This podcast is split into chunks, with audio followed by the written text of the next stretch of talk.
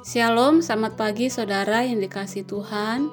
Kiranya setiap kita dalam keadaan sehat dan tetap semangat berpengharapan dalam Tuhan di hari keempat tahun ini.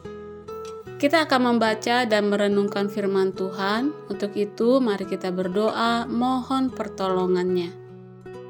Ya Tuhan, kembali kami bersyukur kepadamu atas hari baru yang masih Kau anugerahkan kepada kami tapi kami tidak mau menjalani hari baru ini kalau tidak kau sertai. Untuk itu berbicaralah Tuhan lewat firman-Mu yang akan kami baca. Beri kami hikmat-Mu untuk mengerti dan kekuatan-Mu untuk hidup seturutnya. Dalam nama Yesus penebus kami yang hidup. Amin. Firman Tuhan hari ini Matius 4 ayat 23. Yesus pun berkeliling di seluruh Galilea. Ia mengajar dalam rumah-rumah ibadat dan memberitakan Injil Kerajaan Allah serta melenyapkan segala penyakit dan kelemahan di antara bangsa itu. Saudara, kalau kita perhatikan dari apa yang Yesus lakukan dalam pelayanannya, pengajarannya selama dia tiga setengah tahun di dunia, maka topik utama yang paling sering ia bahas adalah kerajaan Allah. Kerajaan Allah tidak bicara soal gedung atau wilayah, tapi pada pemerintahan atau kekuasaan. Setiap orang yang ada di dalamnya berarti diperintah, dikuasai oleh Allah. Pribadi yang mengalami sebuah realitas baru dia tidak lagi berkuasa atas dirinya sendiri, melainkan Allah lah yang berkuasa atas hidupnya. Injil adalah sebuah berita sukacita bahwa Allah mendatangkan kerajaan Allah tersebut di dunia melalui kehidupan, kematian, dan kebangkitan Yesus Kristus. Karena tanpa Injil, kerajaan Allah maka manusia tidak akan menjadi sesuatu yang sangat berharga, melainkan sangat menakutkan. Tanpa Kristus lahir dan mati dan bangkit, maka kita terlebih dahulu, bagi kita terlebih dahulu, tidak ada orang yang mampu berada di bawah pemerintahan Allah yang suci.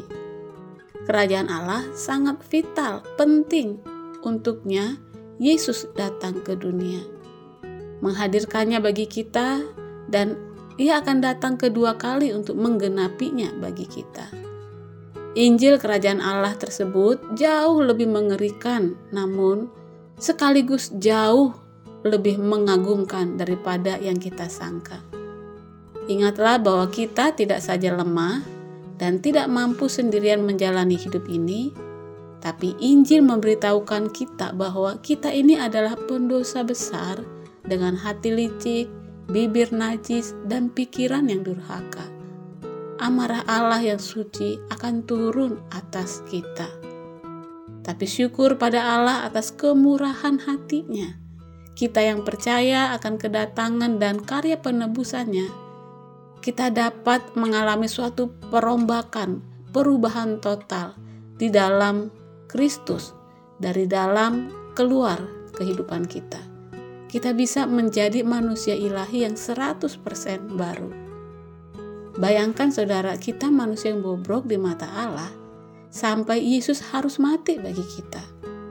Namun kita begitu berharga di mata Allah sampai-sampai Yesus rela mati bagi kita. Dalam status yang baru dalam kerajaan Allah, maka bagi kita tidak usah lagi ada ruang untuk sombong, arogan, karena mengingat semua hanya oleh kemurahan Allah dalam Yesus.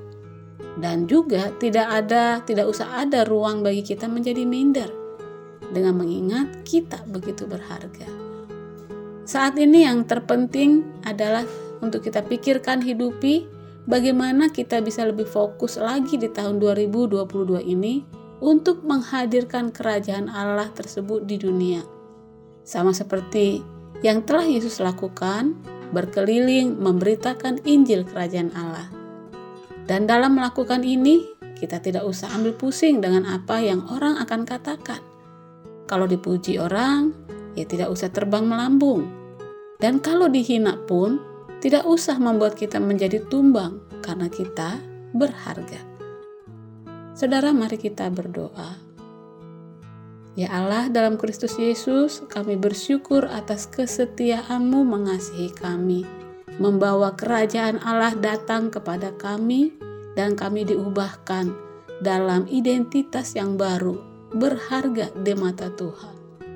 Tolong kami Tuhan supaya setiap hari mengingat, menikmati karya Injil kerajaan-Mu, juga membagikannya kepada orang-orang sekeliling kami dalam Yesus Kristus kami berdoa. Amin.